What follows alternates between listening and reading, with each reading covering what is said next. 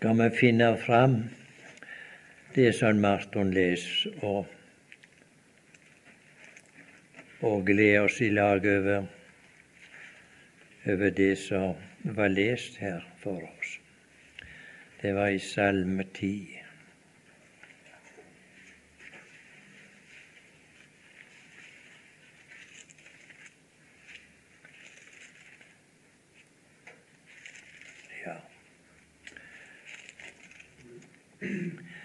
Og iblant det som var lest her, så var det sagt at det,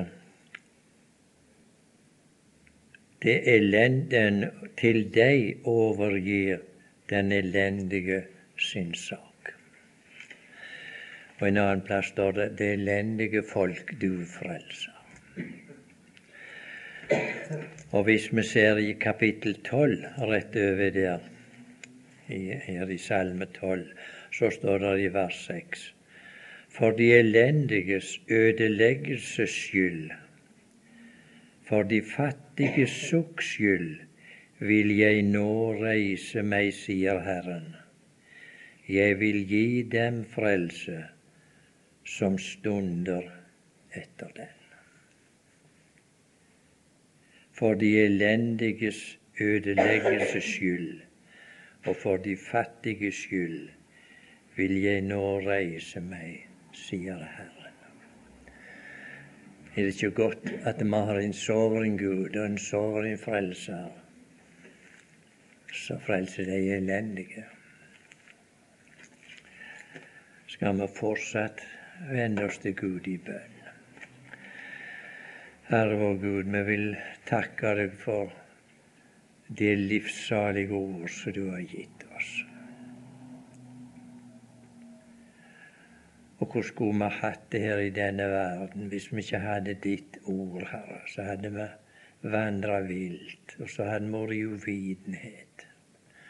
Men nå har vi ditt ord, Herre, for at du frelser elendige folk. Og de du frelser, de fører du fram. Har vi lyst til å be deg om at ditt ord fortsatt i kveld må komme inn i våre hjerter for å ære deg, ære ditt navn, du som gav din enbårne sønn til verden for å frelse syndere. At Den hellige ånd må få åpenbare dette for våre hjerter, at vi kan være sammen her i liten stund og glede oss over denne felles frelse som vi har og framfor alt ikke glemme prisen på denne frelsen, hva du har betalt for den, som vi skal nyte. Og så veit vi at du kommer snart og henter de elendige som du har frelst. Men i ventetida så er vi i di hånd, Herre. At dette blir stort for våre hjerter. Når vi hører deg til, Herre, så kan vi vandre trygt i denne, denne vonde verden som er i. Og så har vi lest om her så mange Det var så mange som var på høyt på strå, så mange frimodige syndere som taler frekt. Herre, vi ber deg om at vi i samfunn med deg og i samvær med deg, at vi må forvandle dag for dag mer i inderlig samfunn med deg, og lære deg å kjenne, Herre, du som elsker så høyt. Vi ber om det i Jesu navn.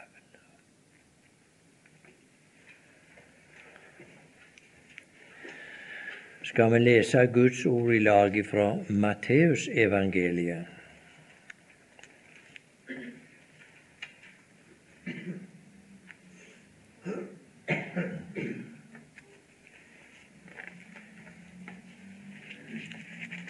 I kapittel 27.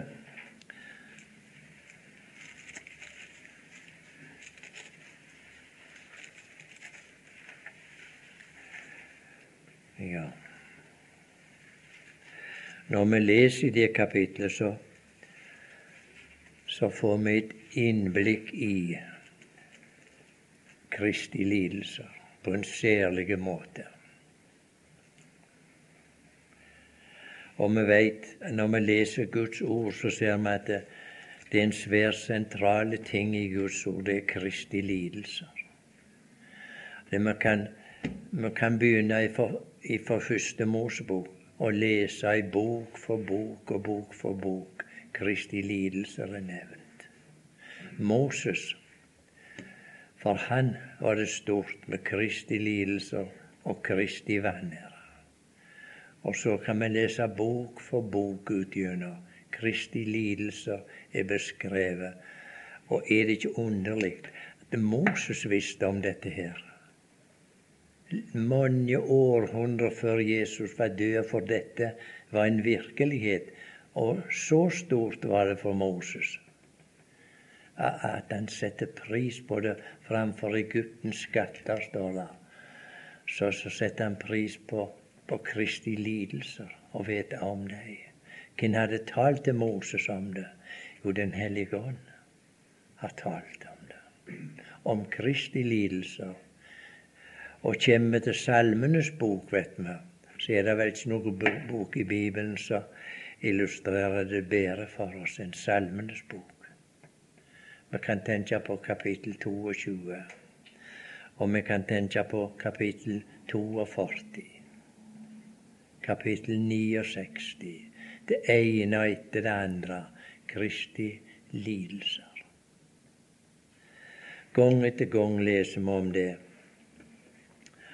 Og tror vi har lov å si at det er vel ikke noen bok i Bibelen som så beskriver Kristi følelser og, og hans uh, sjelslidelser som nettopp Salmenes bok. Vi kjenner til det alle der når han taler i Salme 42. Når han sier at eh, vanndyp kaller på vanndyp ved duren av dine fossefall. Alle dine brenninger og dine bølger går over meg. Og i Salme 69, når han er på, på dypet, som det står La ikke brønnen lukke sitt gap over meg. Det var Guds enbårne sønn. Så kan vi ta bok for bok. Chris, eh, Peter taler om Kristi lidelser. Paulus taler om Kristi lidelser. Bok for bok utgjennom, og, og brevene taler om Kristi lidelser. Og da må, må det ha en svær plass i Guds hjerte. Men det beskrevet så mye kristelig lidelse. Og han sa det med sine disipler, Jesus. Det er vel i, her i Matteus. Ja, der sa han i Matteus 16. Vi kan lese et vers der før vi går over til kapittel 27. Matteus 16, 21.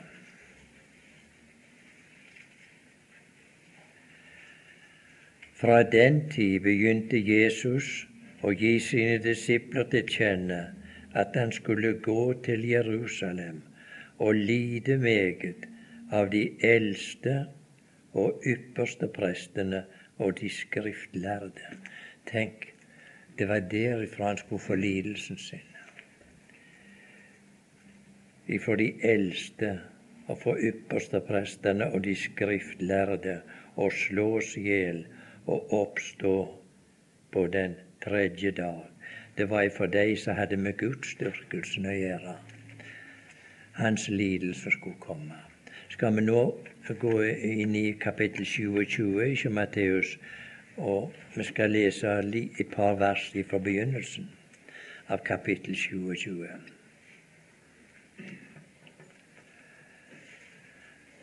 Da det nå var blitt morgen, holdt alle yppersteprestene og folkets eldste råd imot Jesus, at de kunne drepe ham. Det var deres ønske, at de kunne få avlive ham. Så står det videre og de bandt ham og førte ham bort og overgav ham til landshøvdingen Pilatus. Det der må si det er særlig rørende. Tenk, de så syn på å binde Guds enbårne sønn. Han som hadde bare gjort godt den stunden han var her. Og her bandt de han, så kommer de leiende med han som et annet dyr. Tenk, der står de bandt ham, og han lot seg binde. Han var kommet her for han skulle gå gjennom lidelser. Kanskje vi bør minne han om, her vi er samla i kveld, hvorfor måtte han dette? da? Hva vondt hadde han gjort?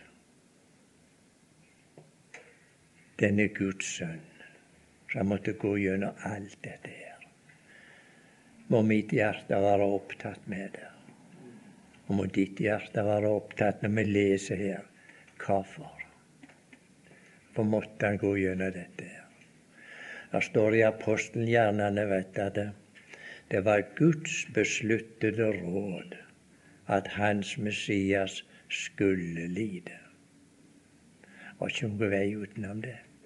For den som synder, står det her i Guds ord, han skulle dø. Han skulle dø en synders død. Og så ser vi her i kapittel 27 Her får vi se annet at det er presteskapet og de folk der han lir den største hån iblant. Må Gud gjøre det slik når vi leser her, at Den hellige ånd taler til oss. Kan vi se for oss Guds sønn på veien ut til Golgata. Min sundeslådde rygg, de hadde hudstråken. Og her holder han på å komme inn til Golgata. Kan vi betrakte han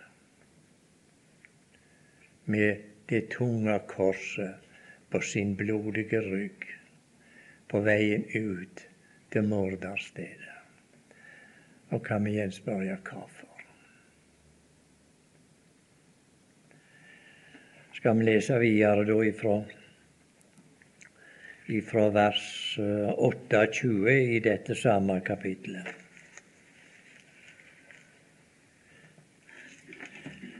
Før jeg leser, så kommer jeg i, i hodet Vi synger en sang av og til. Jeg tror vi kan kanskje lese et vers av den. Det er den på 320. Der står det Kom og se hva Frelseren tåle må, av spott og dyp forakt, når han tornekronet iblant dem står. De håner hans kongemakt. Han stille som lammet i døden går og vandrer den kvalfulle vei for oss. Han tåler de dype sår. Så kommer formaningen, o menneske, glem deg. Glem deg. Når vi leser, så kan vi så ha så godt av å komme dette i hop. at det var din og min vei han gikk. Vi leser fra vers 28 og de kledde ham av og hengte en skarlagenkappe om ham. Og de flettet en krone av torner og satte på hans hode, og gav ham et rør i hans høyre hånd, og de falt på kne for ham og hånte ham og sa, Vær hilset, du jødenes konge. Her finner vi Guds enbårne sønn. Her har de kledd han ut som et kongenarr. De har gitt han en kongelige kappe, og de har gitt han et septer. Vi vet det hørte til en konge, det. En, en, eh, en kappe og et septer. Og så har de gitt han i krona av tårner. Din og min frelser, dette her. Vi leser.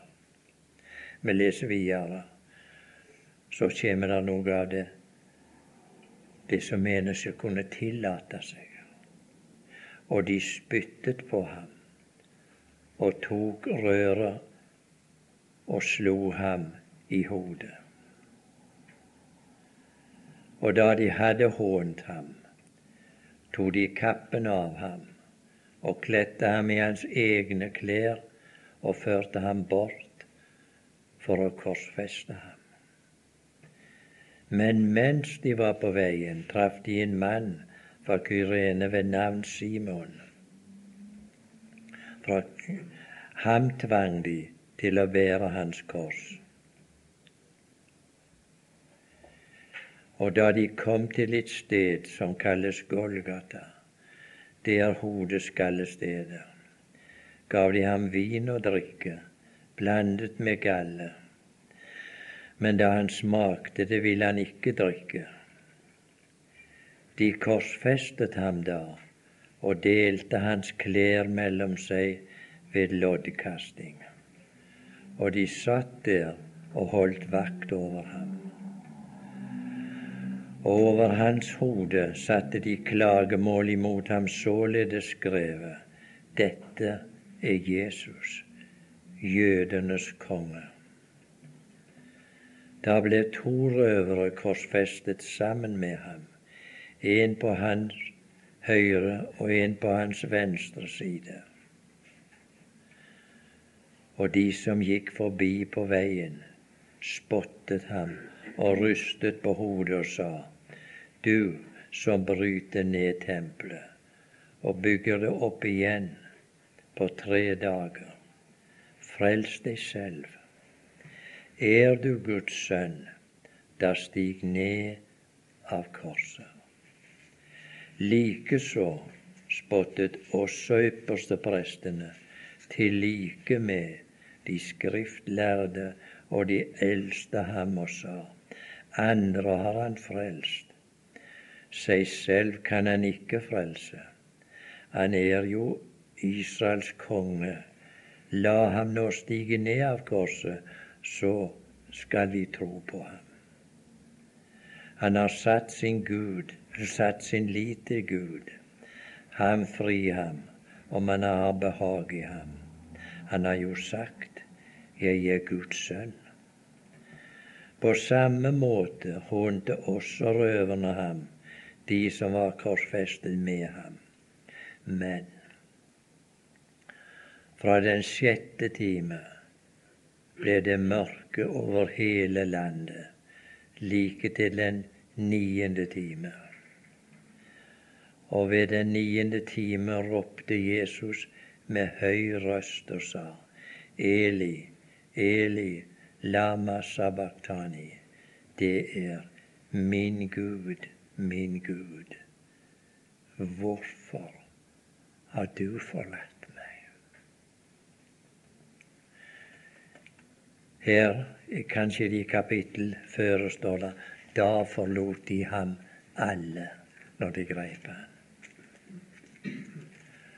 Men her måtte han oppleve til og med Faderen forlot ham. For min del står det slik at i dette kapitlet har vi på en særlig måte de folk rundt Kristi kors som hater Og her på Kristi kors her har vi en åpenbarelse av Guds kjærlighet. Og her har vi en åpenbarelse av menneskers hat. Og her har vi en åpenbarelse av Satans list. For her brukte, her brukte han presteskapet med sine ord til å spotte vår Herre og Frelser. Og når vi, når vi betrakter det, det skuer rundt dette korset. Så har vi all menneskelige råskap. Den er samla her ved Kristi kors. Og Satan med si her, og Gud er der. Gud er her. Det er den største åpenbarelse av Guds kjærlighet som er gitt oss i Bibelen. Det er Kristi kors. For det står dette i Johannes brev ved dette er Guds kjærlighet åpenbart ved Kristi kors. Guds kjærlighet var ikke åpenbart den så lenge Jesus gikk her. Han var Guds sønn. Han var kommet her og gjøre Faderens vilje. Men Guds kjærlighet var ikke åpenbart ennå. Han måtte til Golgata for å åpenbare den. Og vi ser hele tida mens Jesus var her, så ser vi teppet eller i tempelet. Det var helt, det. Herren gikk her. Men det måtte en dø til. Må med en gang Kristi død var erklært, så står det så revna teppet oppi tempelet. Men det var òg et annet teppe som revna den dag. Det var ute på Golgata. For du vet det står i, i Kanskje vi skal lese det i hebreerbrevet. Hebreerne 10. Vi kjenner det så godt, alle så hører Herren det.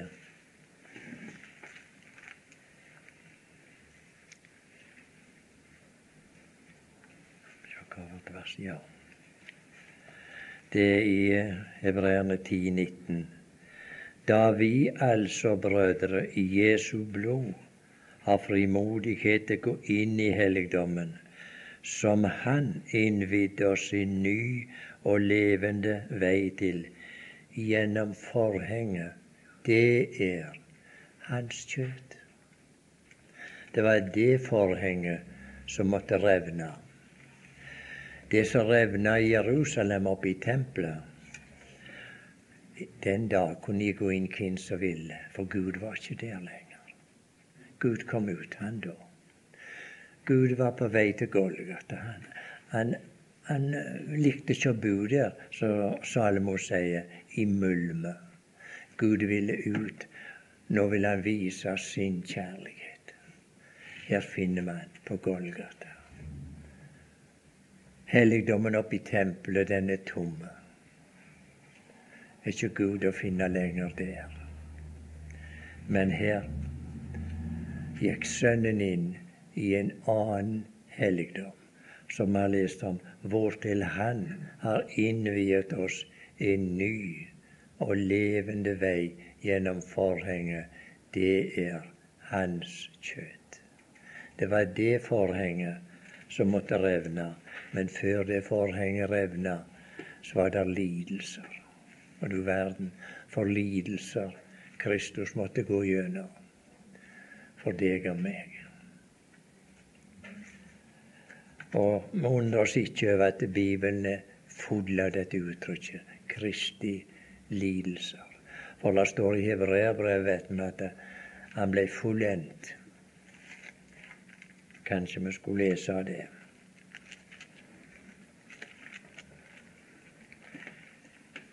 Det beste med å ta oss tid til å lese mest mulig av Guds ord.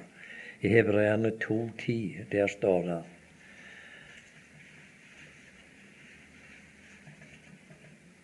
Kanskje i vers 9.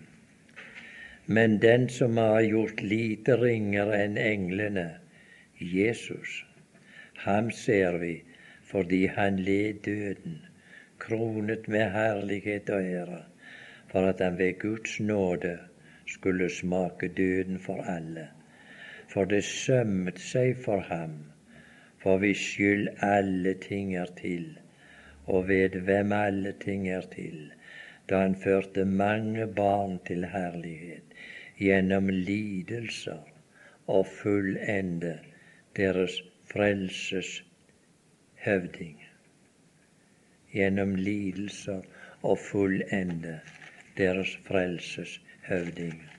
Og så, så har vi da det verset i kapittel fem som forteller oss så klart, vers ni. Og da han var fullendt, hva så? Jo, her står det. Det var gjennom lidelser å fullende deres frelser. Og så kommer resultatet av det i kapittel 5 og vers 9. Og da han var fullendt, ble han opphav til evig frelse for alle dem som lyder Han. Fullendt. Når det gjelder det kapitlet vi har lest noe av, så er det ingen av oss som kan med, vår tanke oppfatte dette. Men Den hellige ånd kan hjelpe oss at vi får får innblikk i dette her, hva Kristus måtte gjennom. Når vi har lest her etter alt det de har gjort med han, så finner, vi ikke et eneste klagende ord. Og Det forundrer meg mange ganger når vi leser om Kristi lidelser. Og det er særlig i Salmenes bok. Han klager ikke for sine fysiske lidelser men sin sjels lidelser. Og, og vi vet, når vi leser Isaias bok, der, der skildrer profeten i kapittel 52, vet vi. Kan, kan si på en særlig måte. Skal vi se inn i det kapitlet. Esaias 52.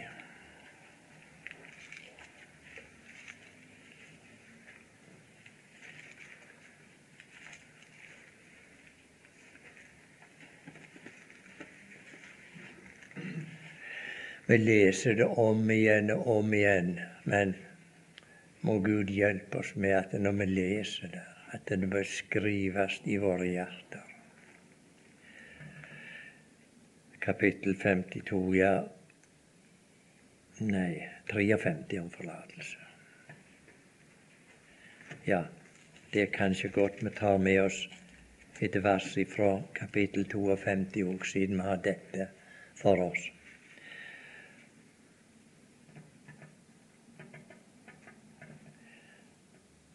Kapittel 52 og vers 13. Se, min tjener skal gå frem med visdom han skal bli oppløftet og opphøyet og være meget høy. Like som han ble forferdet over ham, så ille tilrett var han at han så ikke ut som et menneske, og hans skikkelse ikke var som andre menneskebarns. I kapittel 53 foraktet var han var elendig. Det er ikke jevnt vi leser om at eh, de mishandler, kanskje sagt, elendige folk. Men han mishandlet de trots han var elendig. Han ble mishandlet enda han var elendig. Og han opplot ikke sin munn lik et lam som føres bort for å slaktes og lik et får som tier når de klipper det. Han opplot ikke sin munn.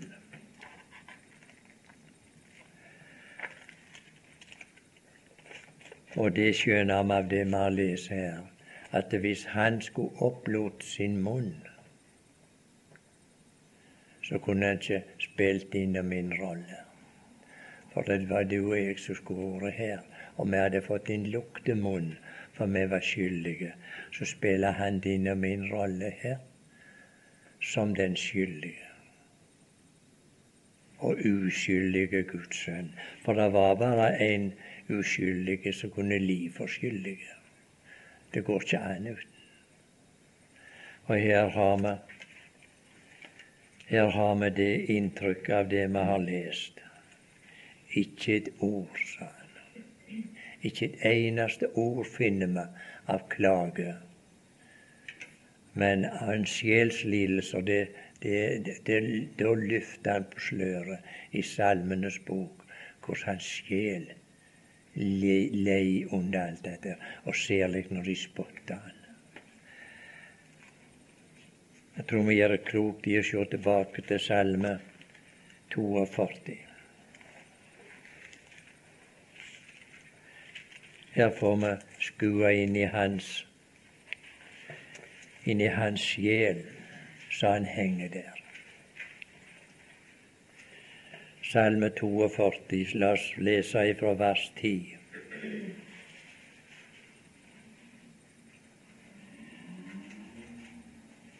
Jeg må si til Gud, min klippe, hvorfor har du glemt meg? Hvorfor har du glemt meg?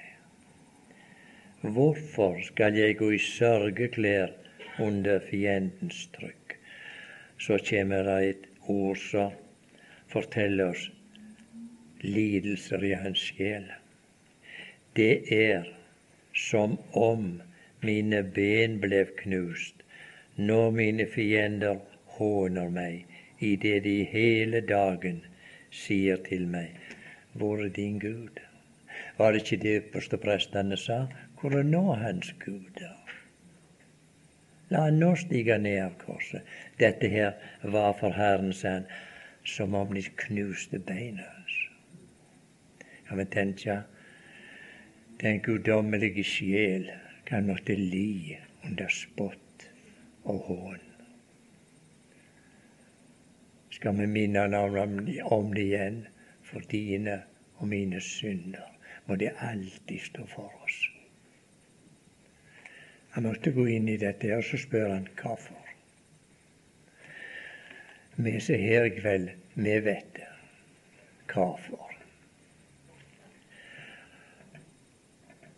Vers, i siste verset. Hvorfor er du nedbøyet, min sjel? Her finner vi i nedbøyde sjel. Og hvorfor bruser du i meg? Bi etter Gud, for jeg skal ennå prise ham, mitt åsyns frelse og min Gud. I nedbøyde sjel så bruste jeg under Guds rettferdige dom for de og mi skyld. Går vi tilbake nå til dette kapittelet, når vi har lest ned alt dette her gjorde, gjorde med han ifra de klettene om. De tok klærne av han, og så iførte han dette her utstyret til et kongelig narr. Og så setter de ei tornekrone på han. Og merkelig er det. Og så står det de tok av hans egne klær, og så kasta de lodd om dem. Men jeg kan ikke sjå det. Tornekrona var der ingen som tok av han. Den fikk han bære som et kongelig narr på korset. Hva kom tornen av? Da tar det iallfall mine tanker tilbake til første Mosebok. Når Adam hadde vært ulydig, så sa Herren med han For din skyld, sa han, så skal jorden være forbannet. Fordi du lød, sa han. Så skal jorden være forbannet, og den skal bære deg tårner og tidsler. Tårner og tidsler det er frukt av forbannelsen. Jorda hadde ikke vært det før, men la oss ikke glemme at den jord vi går på om dagen, den er forbannet. Vi må ikke anstrenge oss for å være med å berge denne jorda. For den er og blir forbannet, og den skal enda under Guds forbannelse. Men her ved Kristi kors ser vi det forunderlige synet. Denne jords frukts forbannelse, den ble lagt til krona på hans hode. Nå kan vi nok tenke på, på piggene, det går an det, men tenk på forvillet. Han ble gjort til synd for oss, står der. Og står det ikke i Kolossenserbrevet, ble gjort til en forbannelse for oss. Kan vi sjå Guds sønn her, hengende på sitt kors, slådde, hånte. Kan vi stå og betrakte han, et ansikt tildekket av spytt. Og blod ifra den forbannelseskrona han hadde fått nedover dette guddommelige ansikt som henger der. Ikke ord. Han måtte til Golgata, er det en sanger som synger og ingen vei utenom. Guds elskede sønn. Og her står Gud og betrakter dette. Og det står dette at Gud var i Kristus Jesus. Det var ingen mindre enn Gud sjøl, dette her ser på Kristi kors. Gud var i Kristus og forlikte verden med seg selv. Nå hadde han utstått alle den hån som, så de kunne skrape sammen. Menneskers spott og hån. Og Satans hån. Så følte Saul sånn at det var så beina ville knuses når de hånte. Men ennå hadde han ikke fått alt.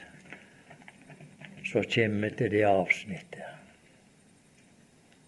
i vers 45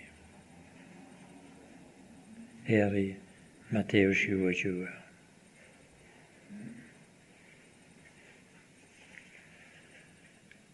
Har du lest, når du har lest den historien, har du hørt noe spottord imellom den, imellom den sjette og den niende time?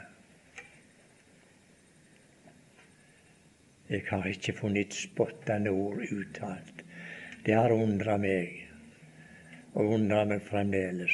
Det var tre timer der inne ved Kristi kors, så det var aldeles stilt. Ikke en rå soldat, ikke en spottende synder, ikke en hovmodig ypperste prest. Hvordan kan det ha seg? Jo, her står så ble det mørkt. Mørkt. Opp til den tid så hadde Gud tillatt all spott og hån som kunne tillates. For han sier i en annen plass det er eders time og mørkets makt. Men her har han Nå kan de gjøre med han akkurat som de vil.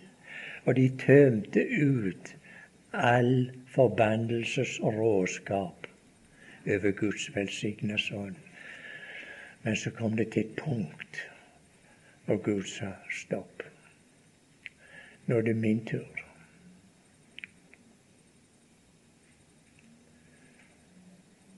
Nå skal jeg behandle min sønn. La oss huske på er Guds rettferdighet nå. Så kommer det til utøvelse. Men det Gud tillot ikke et menneske å se det. Han sa mørk kom og skjule Golgata en liten stund, i tre timer, når han skulle behandle sin sønn for dine og mine synder. Så står det ikke på profeten, vet vi, han slo ham. Og det behaget Herren å knuse ham. Ja, ja, det er lett å snakke om dette, her, og ingen av oss kan forstå det. Her står, her står Gud, den eldgamle Gud, Faderen, så sa han elsker sønnen min'. Og så ynda han å knuse han. Er det underlig at det står i i, de, i uh, begredelsessanger som står i, i den eldre. Går det dere ikke til hjertet, står det. Alle som går på veien, sku og se om det er en smerte lik min smerte. Den som Gud har beredt meg på sin vredes dag. Nå klager han ikke lenger over smerter for noe annet, men den som Gud har beredt meg. La oss lese det der.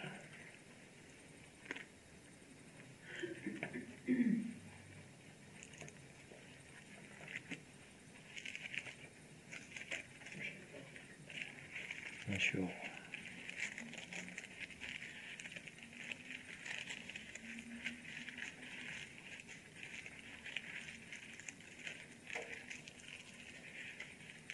Ja, det er klagesangen.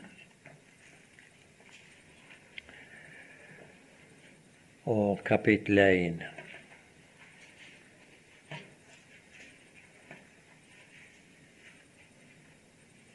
La oss huske på dette gjelder Herren, som han henger der til spott og spe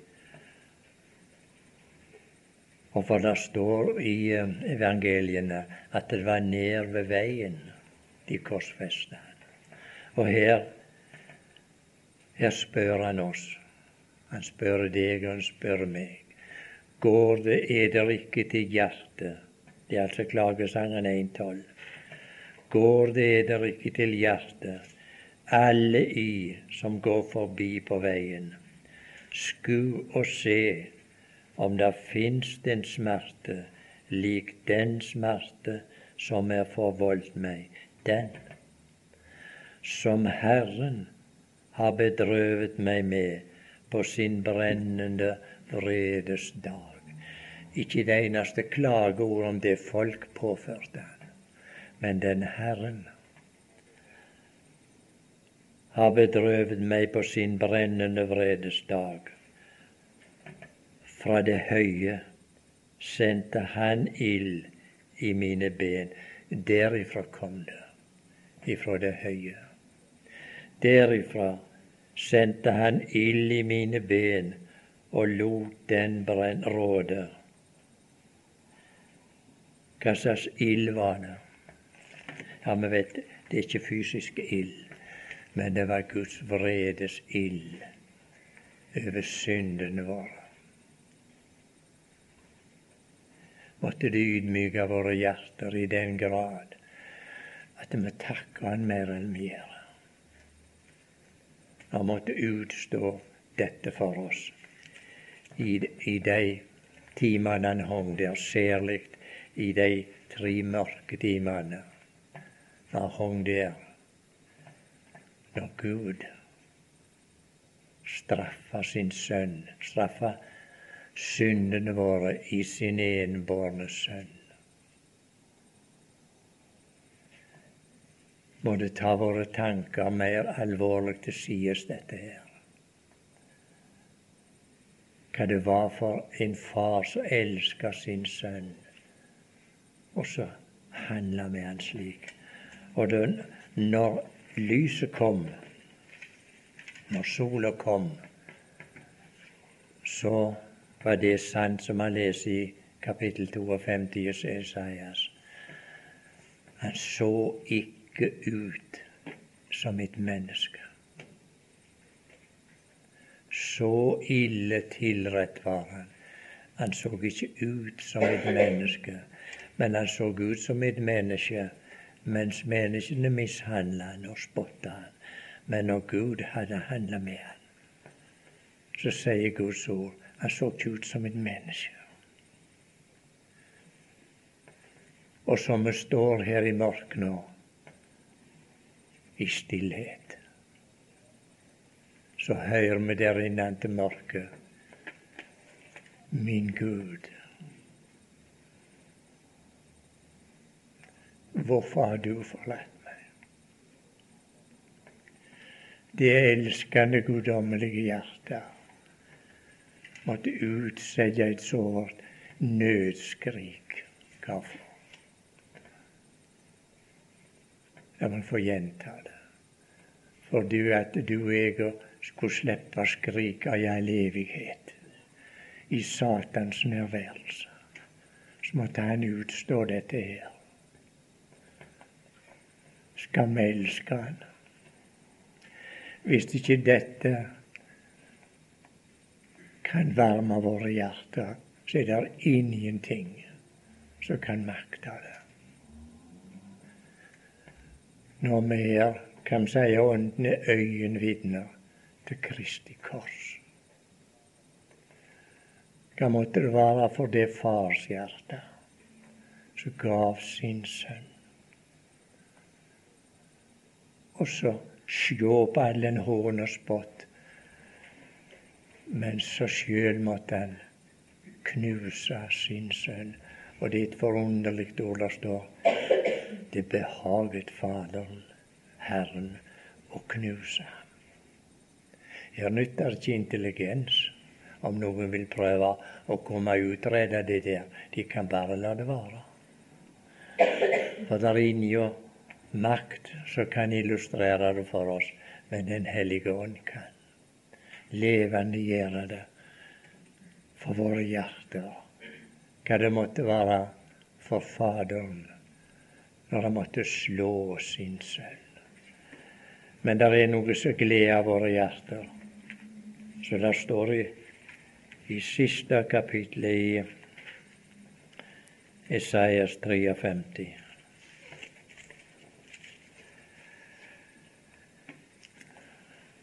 Der står det. Derfor vil jeg gi ham de mange til del, og sterke skal han få til bytte fordi fordi han uttømte sin sjel til døden og ble regnet blant overtredere, han som dog bar mange synd, og han bar for overtredere. Hvor mange er som ber for de som mishandler seg? Mis, mishandler de. Vi leser i apostelgjerningene. Der var en som hadde det sinnelag. Det var Stefanus. Men det var ikke Stefanus i natur som gav seg utslag her. Det var Den hellige ånd som var i mannen. Han kunne be for dem når de, når de stein. Derfor har han gitt ham de mange til del. Og sterke skal han få til bytte for de. han uttømte sin sjel til døden. Og så ba han for overtredere. Og nei, er hvor vi har bruk for om igjen og om igjen å betrakte Guds kjærlighet. Vi blir aldri Vi kommer aldri til endes i betraktning av den. Men det det gir oss, det gir oss større takknemlighet jo mer vi betrakter det. Og Den hellige ånd får åpenbare det for oss. Skal vi nå gå til apostelgjerningene og lese et vers der?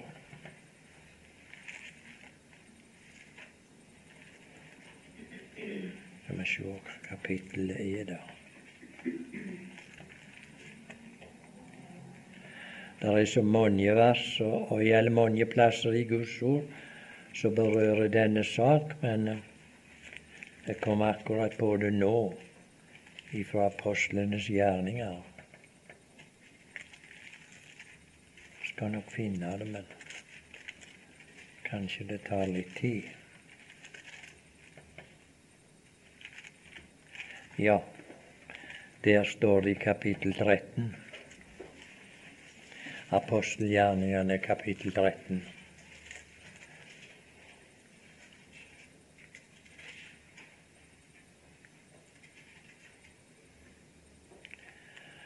Og der står så kort og klart. Og da de hadde fullbyrdet alt som er skrevet om ham, tok de ham ned av treet og la ham i en grav.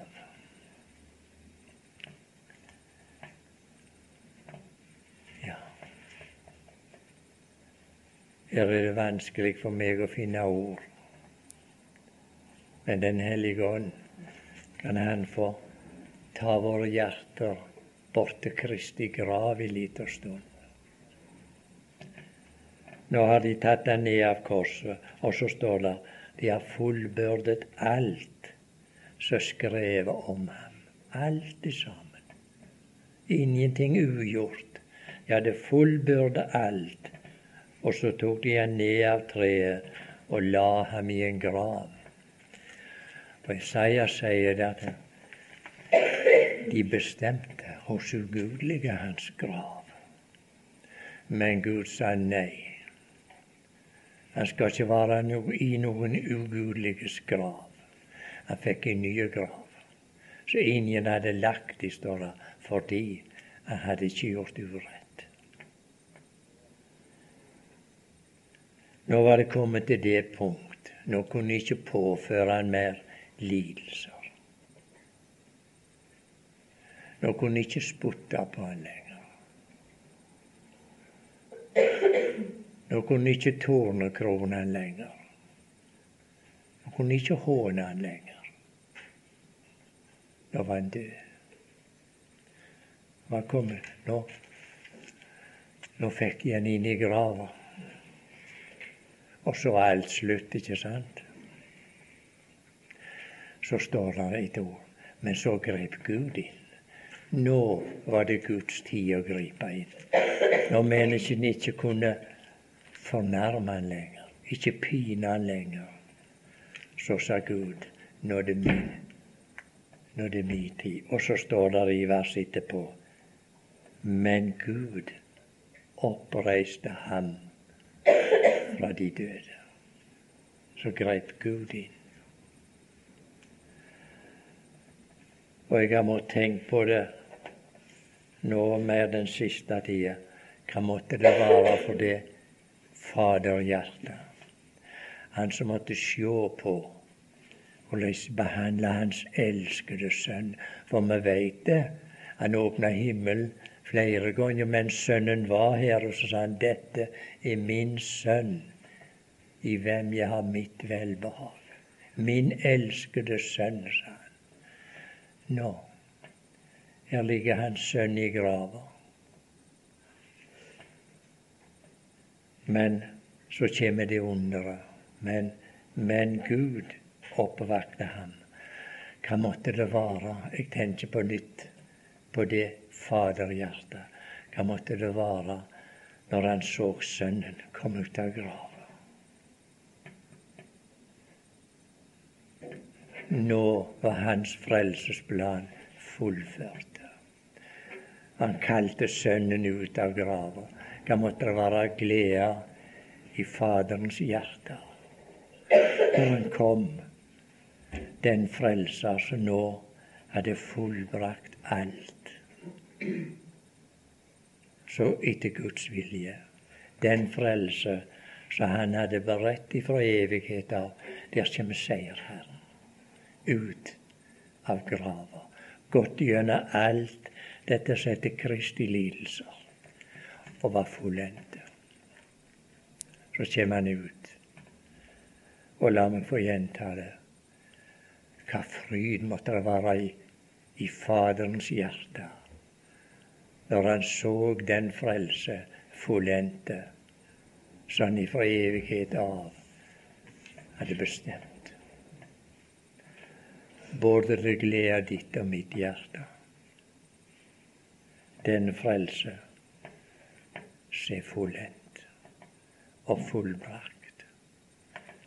Men ikke i grava. Vi har en levende frelser.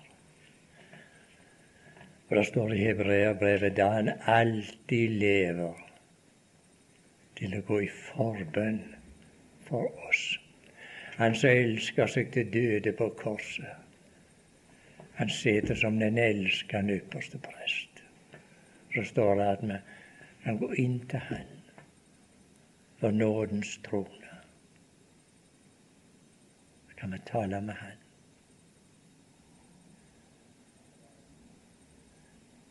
Hva det måtte være i himmelen, det, det, det veit vi ikke. Men når Guds frelse var fullført Vi ser når, når hyrden kom vi får han hadde funnet, så ser vi det ble glede i himmelen. Og vi har all grunn til tro mye mer enn vi forstår det, men ved, ved troen. Den glede som måtte vare i guddommelige nærværelse når Sønnen sto opp ifra grava, og den mottagelsen han må ha fått. Jeg synes det er noe i, i Salme 24 som forteller oss noe om det. Og med det så skal jeg slutte. Salme 24.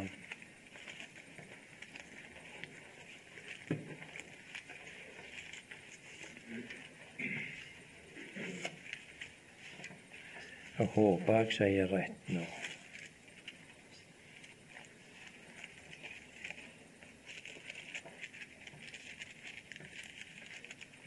Ja, de fire siste versene i Salme, i salme 24.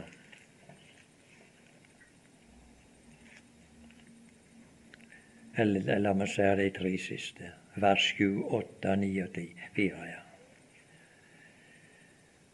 Løft i porter eders hoder. Løft eder i evige dører, så herlighetens konge kan dra inn. Her kommer seierherren ifra Golgata. Nå har Gud gitt han en himmelsk mottagelse. Og så sier han, løft i porter eders hoder, og løft eder evige dører så herlighetens konge kan dra inn. Hvem er denne herlighetens konge? Herren sterk og veldig, Herren veldig i strid. Så gjentar han det. Løft i porter eders hoder, og løft eder i evige dører, så herlighetens konge kan dra inn. Hvem er denne herlighetens konge? Herren, hærskarenes Gud. Han er herlighetens konge, sjela. Stans og tenk. Her har han fått mottagelse. Her kommer de for Det er vel nokså alminnelig her når de vinner krigen, så får de en sånn fin mottagelse. Her er mottagelsen han fikk han som var så ille tilrett. Men Gud har gitt han en guddommelig og, og himmelske mottakelse. Guds ord sier han sammen. Sett deg, sa han, ved min side, inntil jeg får lagt alle dine fiender til skammel for dine føtter.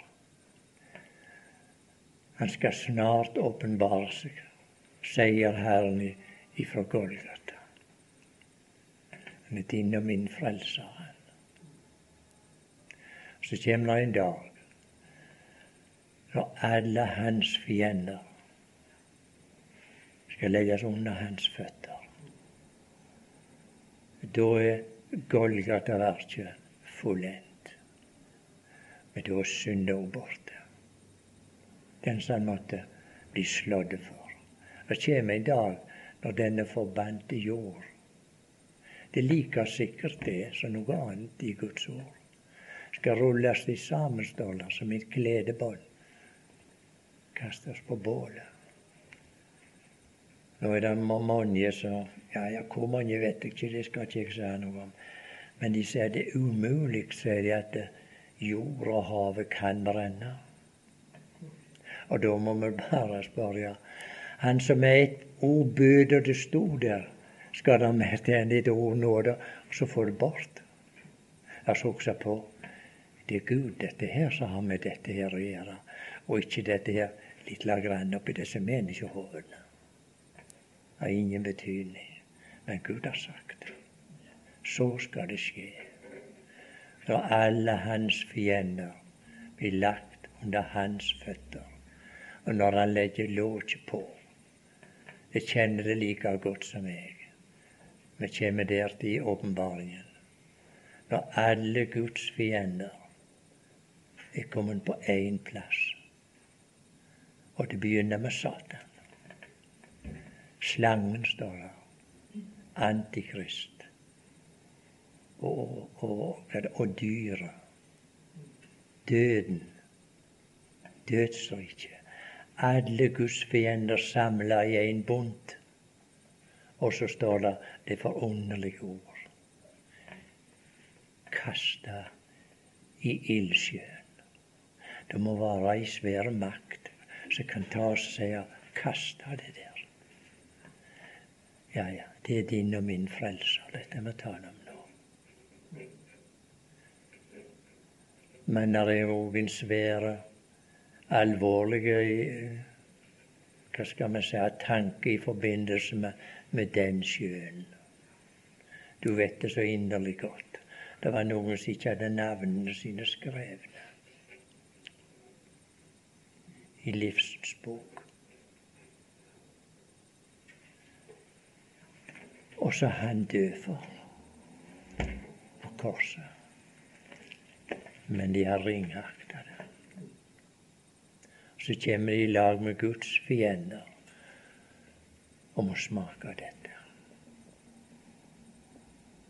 Men da er synda borte. Inni oss synd mer. Og da har Gud gjort opp alt som skal oppgjøres. Men da sier Guds ord lenge for den tid så er vi hjemme hos Herren. Og så skal vi i all evighet være i Hans nærværelse.